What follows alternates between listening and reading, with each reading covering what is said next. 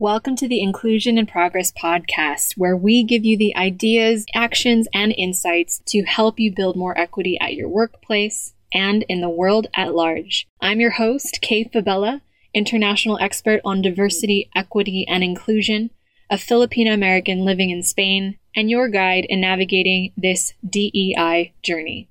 Having worked with teams at companies such as Philips, the IMF, Red Hat, PepsiCo, and more, I know firsthand that the work of inclusion only works when everyone has a seat at the table. Regardless of your personal entry point into this conversation, your race, ethnicity, gender, ability, age, sexual orientation, country of origin, or educational background, we all have a role to play in creating inclusion for all. And it starts with us having conversations we need to create the change we wish to see. So let's dive into today's episode.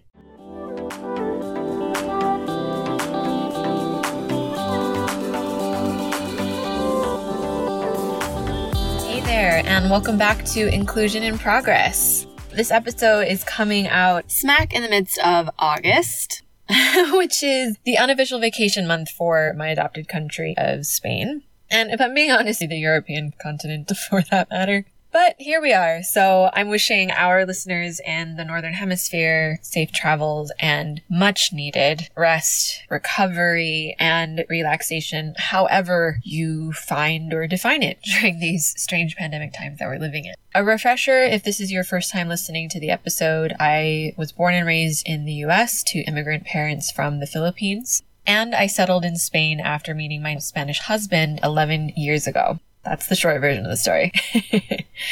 but no matter how long I've lived here, the concept of taking an entire month off for vacation is one that still seems to go against both strands of my cultural DNA.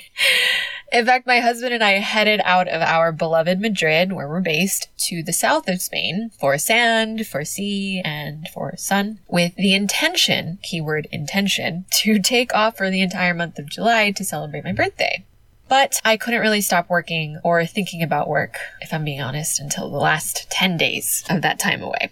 I know, I know, I sound like a workaholic and such an American stereotype, but, but, I promise it's for the best reason. So you see, in addition to renewing our contracts with existing client partners for the rest of 2021, which we're super excited about, and bringing new clients into the fold, Team Kay has now doubled in size we are also coming to the end of a long, long rebranding process, which will move us away from what started as my personal brand, Kay Fabella Consulting, and to our new digital home for Inclusion in Progress LLC.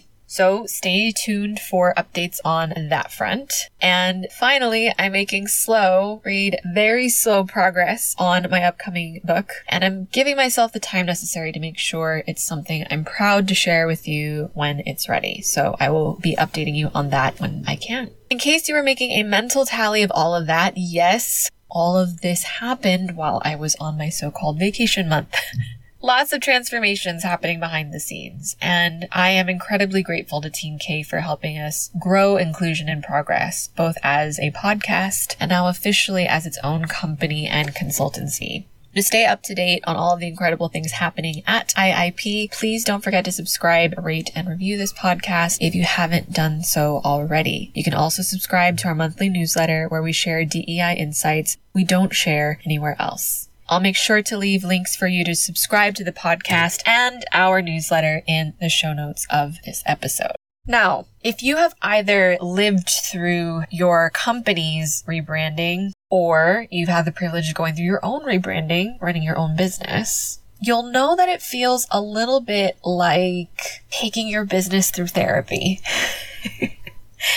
And if you're lucky, you come out the process on the other side with even more clarity on who you are and how you want to show up in the world as a truer version of yourself and a foundational plan to help you do that. For me, at least, rebranding has gone kind of like this. You go to the business equivalent of a therapist, in this case, a consultant or an agency to help you assess where your business is, what's working, what hasn't, and where it's going.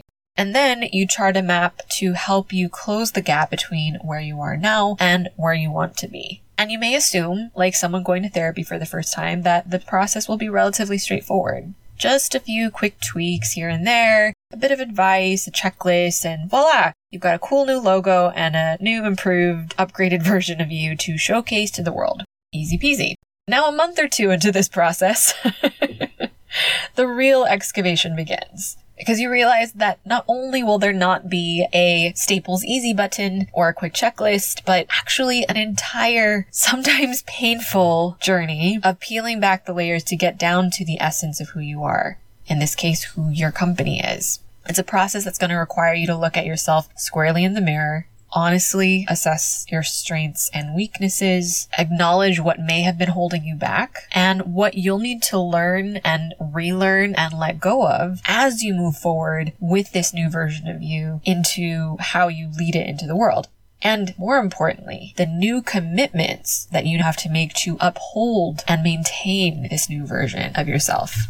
Does this sound familiar to anyone? Now, whether we've experienced a rebrand or not, or gone to therapy or not, we've all been through some level of transformation like the one I just described in our personal or professional lives, or with the trusted hand of a parent or a mentor. In fact, the process that I've just described is very similar to the same journey that we take our DEI clients through as we partner with them to build more inclusion and equity in their behaviors, systems, and processes. The secret to navigating this type of change and finding who you are on the other side is simple. Lean into humility, honesty, and be willing to either explore or let go of the things that no longer serve. With that in mind, one of the core themes that came out of this rebrand as we move from Kay Fabella Consulting to Inclusion in Progress officially is this. We sit squarely at the nexus of virtual inclusion strategies, intersectional identities, and intercultural communication. And this is not even just coming from my own background as a Filipino American, as a daughter of immigrants who's lived and operated running her business in Spain since 2010. Our team currently spans a diverse set of countries, languages, lived experiences, religions, and more. And it's the sum of all of our unique perspectives that helps us advise companies on how to build an inclusive culture with all of these different lenses in mind. Which is why in today's episode, I want to talk about this word culture, one that I've been thinking about often as we go through this rebrand because it's a word that's really tossed around a lot within the DEI conversation in the context specifically of organizational culture or company culture. But what does that actually mean now? Because it's definitely not beanbag chairs and fruit delivered to your desk, right? How will our definition of company culture evolve as our world continues to shift post pandemic? So let's dive right in. The first thing I want to dive into is what does company culture actually mean now that we're no longer in physical office environments? Depending on where you are in the world, depending on whether or not COVID is wreaking havoc, you're navigating some version of either a fully remote or a hybrid working environment. We know that the definition of company culture was already shifting considerably over the past decade, but especially within the last two years, given that we are no longer in these physical office spaces companies with a strong organizational culture actually fared better compared to those who didn't have a focus on culture and had to react quickly as a result of the pandemic. So let's revisit this idea of culture. What does that mean? What does that mean when you have been working side by side with team members who you haven't physically seen in months or with team members who you've never physically met because you've never been in the shared office space together? Culture really boils down to this basic definition. The ideas, the customs, and social behavior of a particular group of people or a society. Given that so many of us spend many of our waking hours working for companies, those ideas, customs, and social behaviors are now not just for us within our countries or our cities or where we live, but they're also within the organizations that we work for. In a working environment, culture translates to the feeling of connection that team members experience between themselves and with the company, even while working at a distance. And all of the ideas, customs, and social behaviors that are modeled and shaped by everyone who participates in that culture. So this idea of company culture could be through shared values, priorities, attitudes, work styles, worldviews, or perspectives whatever it was, that spirit, that tangible sense of identity and connection to a company culture determined whether or not someone got out of bed in the morning to continue working for an employer from their makeshift home office as we saw the pandemic close different countries across the world. that company culture was reinforced in the day to day actions and behaviors of the people around you, leading you, and working alongside you for the same organization, even if it was in a virtual environment. This shared set of norms and behaviors either reinforced whether you felt connected to your company or prompted you to leave. Still, we've realized in having conversations with many people working with client partners that most of us don't understand what it takes to foster connection between a company and its employees while they're working remotely. Maintaining company culture is more than providing team building activities or sponsoring company events or when we're back in the office, excursions and in-person celebrations. They can all help, yes, even virtually, but that's not where the conversation should stop to maintain a remote workplace culture, especially as we consider this new remote or hybrid working environment we'll be operating in. Employers need to establish a virtual environment in which team members still feel connected and protected. Employees need to feel that their entire team is working hard together, staying productive, engaged in a shared mission, that their opinions matter, and that their company is doing everything within their power to support their ability to thrive and meaningfully contribute. When it comes to adapting culture for effectively managing remote teams, bringing employees together at a distance requires more structure. It requires better multitasking skills or better communication tools and different types of communication tools and a high level of transparency from everyone involved. It also requires mindfulness, intention, and willingness to reimagine the traditional ways of how your employees will work together. Even things like walk and talk meetings, creating more opportunities for non-work two-way dialogue, incorporating remote team members into meetings while some of you are in the office in an intentional way, and being willing to iterate and reiterate early and often and adapt quickly. But if you're clearly aligned on your company's sense of values, and if it's in your systems, in your policies and priorities that are all designed to align with those values, that's where a company culture is most effective at retaining and recruiting future talent. Because it's no longer just some static mission statement on a website, but one that your teams feel, breathe, and believe in, even if they're not physically in the same place. So that brings me to my second point. Where have virtual culture building aspects worked to create this sense of inclusion? And which of these practices can we adapt or take forward with us? Now, over the past year, company culture has been heavily impacted by our mandate, our work from home experiment, right? A recent EMEA wide study by Citrix of over 4,000 office workers found that during the pandemic, company culture improved for 24% of the respondents, but got worse for 29% of the respondents. So it's clear to me that some companies have managed better than others to translate their company culture to this remote environment. But with hybrid working looking most likely in the long term, as employees feel not just more empowered, but capable of managing their work-life balance from their own home offices, organizations must find ways to build culture that translates equally between home and physical office space so that everyone is still treated fairly cultural beliefs and norms within our companies are still being created and reinforced in our companies, but they're not necessarily being guided by systems and routines that were previously established in our offices. Now they're more open to change and they're subject to influence from new non-work factors that are happening in our employees' day-to-day lives essentially leaders have had to embrace this shift from this is how we do things here to we need to find ways for everyone to collaborate effectively from wherever they are. And traditionally, as we know, culture change in organizations, especially large ones, took lots of time. And it was often a consequence of changes when it was led top down by leadership. But over the past many months, I don't even want to say years now, it's really heartbreaking. But over the past many months, organizations have gone through unanticipated culture changes as remote and hybrid work are unveiling new ways of doing things in real time. So we're finding things like newfound trust, commitment to collaboration, and a desire for empowerment among teams, which all contributed to an evolving company culture post pandemic.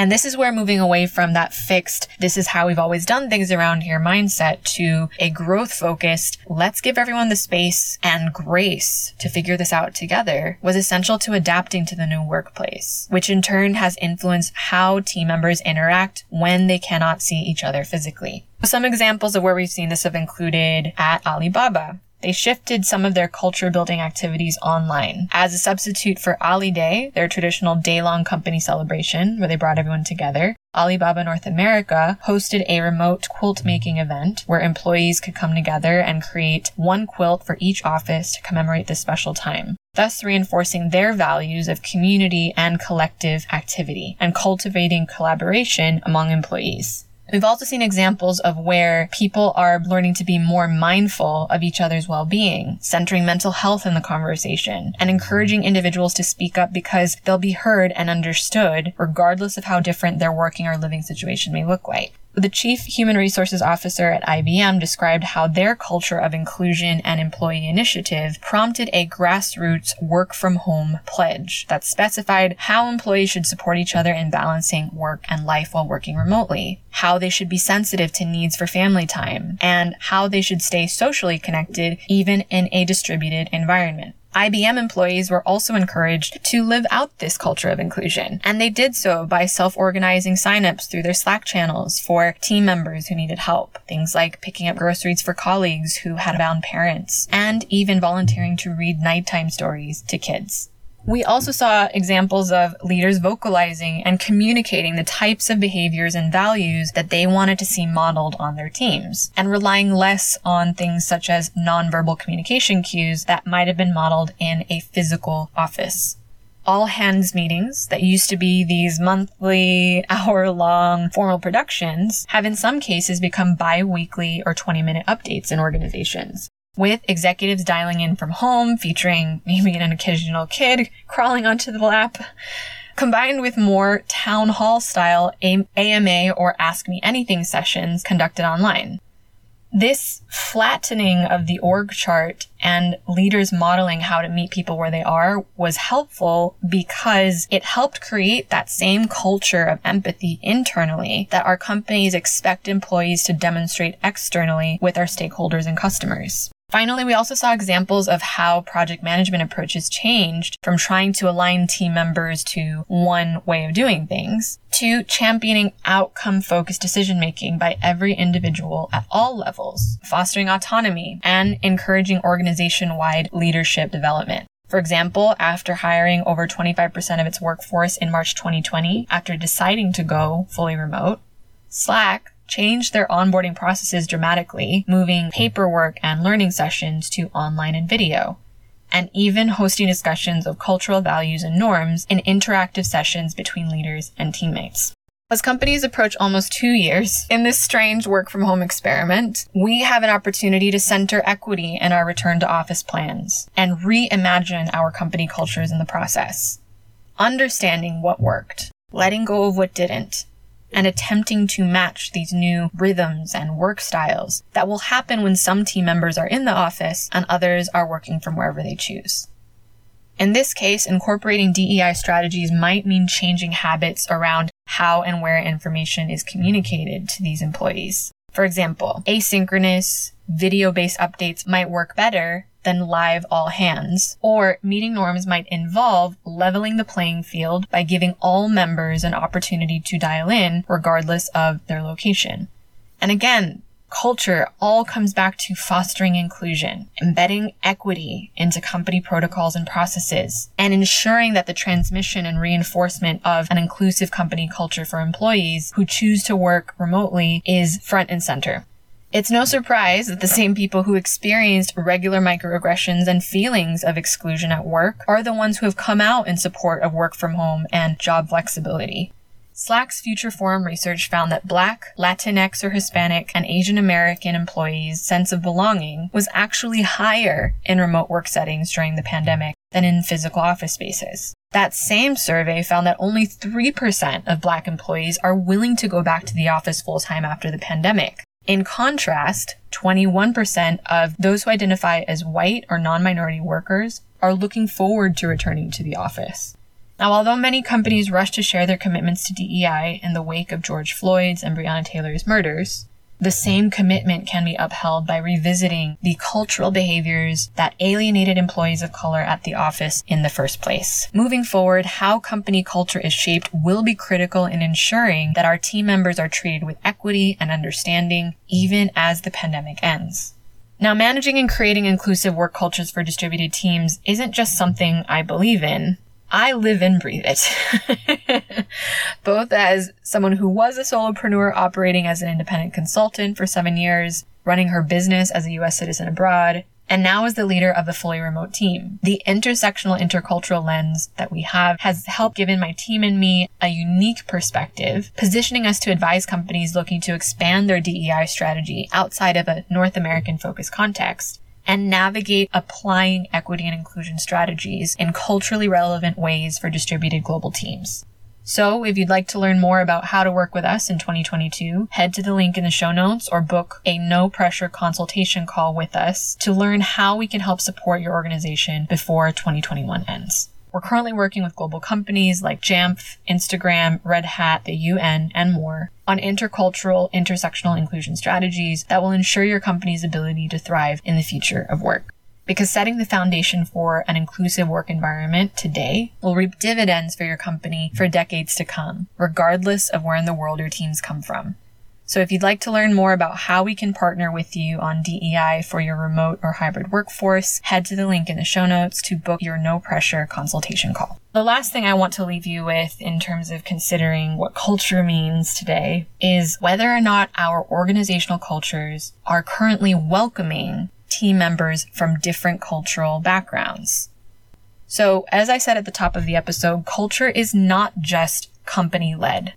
It's also the sum of the different people and cultures that they bring with them that are present on your teams. And an often overlooked part of this conversation around company culture is the multicultural diversity that is becoming increasingly more normal. We're now able to hire remote workers from across the globe who are eager to put their talents and efforts into contributing to companies regardless of where they're headquartered.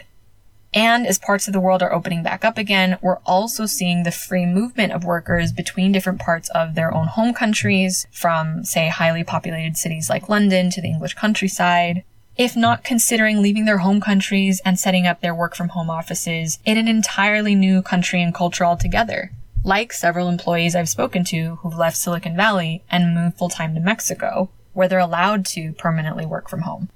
And that's not even counting the people who currently work for your companies, whose parents may span different ethnic backgrounds, or who are immigrants themselves, or people who may have called different countries and cultures home in their childhood due to moving around often, who are now watching their relatives go through different waves of the pandemic, who are witnessing global instability, who are watching varying access to healthcare and resources affecting people that they care about in different parts of the world. And yet, we still refer to company cultures as monoliths rather than the tapestries that they actually are. Company cultures that accurately reflect the lived multicultural, multi-hyphenate experiences of our people. We still view our team members through what is often a very narrow often Western, focused mindset that may actually be limiting our access to ideas and innovation that companies say that they desire. Now, I talked about this in more detail on episode 63 of the podcast, where I invited listeners to reevaluate our notions of professionalism and culture fit, and why those long-standing concepts are actually rooted in inequity and imperialism. So be sure to listen to that episode if you haven't already. I'll be sure to link that in the show notes as well. But in summary, if we only focus our company's day-to-day practices with a headquarter first or US first or UK first mindset, even if English is our unofficial business language, and those locations are where most of our companies are operating, we inevitably flatten the perspectives of those who may not have grown up in or relate to the cultures that our companies are run in because of their own lived experiences. And therefore, we're missing out on ideas when we fail to center other cultures in this DEI conversation. Now, I'm not saying you have to start implementing a company wide intercultural communication and cultural agility training strategy overnight, though that would be very helpful in fostering inclusion for our global teams. But it's actually very easy to start centering equity to include not only marginalized populations within our own borders, but also team members whose voices or languages are often an afterthought in our DEI conversations.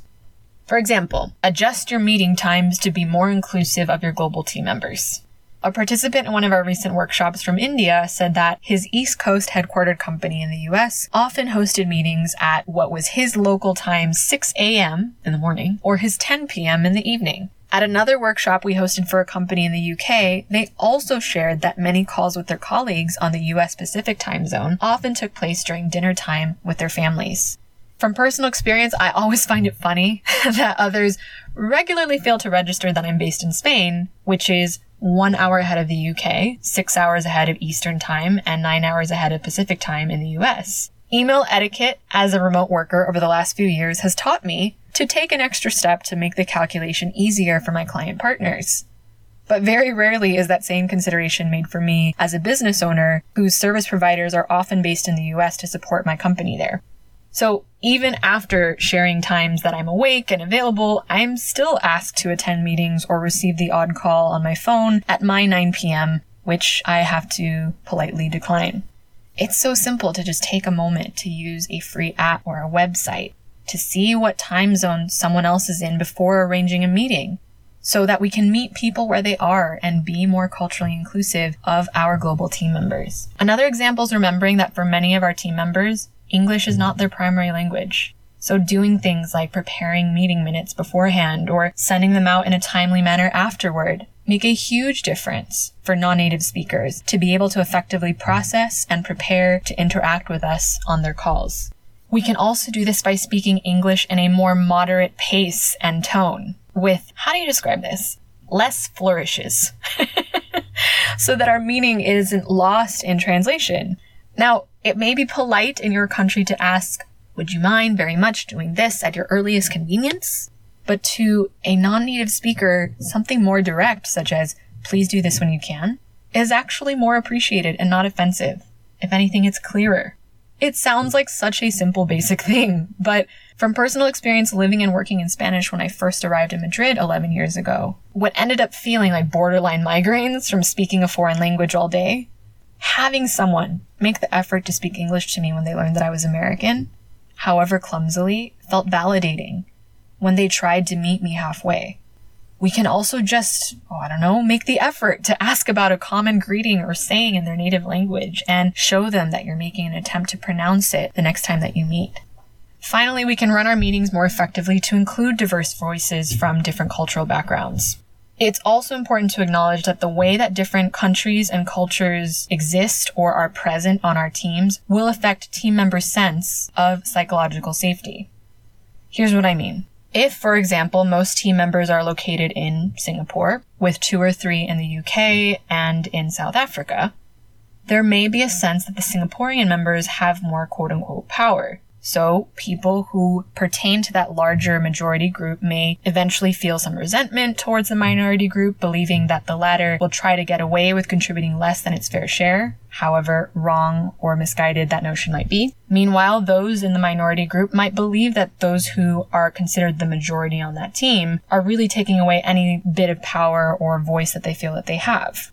Again, this is a very theoretical example, but the situation could be exacerbated when the leader who's at the site with the most people or the one who is closest to where that company is headquartered will also affect the dynamics of the team.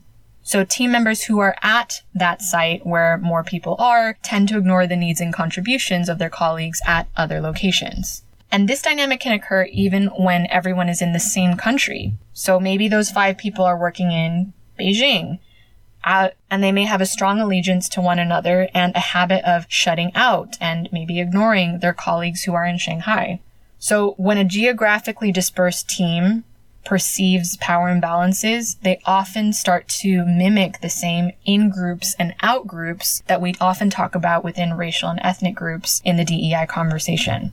So to avoid these perceived power imbalances that can erode innovation and collaboration on our teams, leaders and managers can more fairly distribute those so-called power dynamics when running global meetings.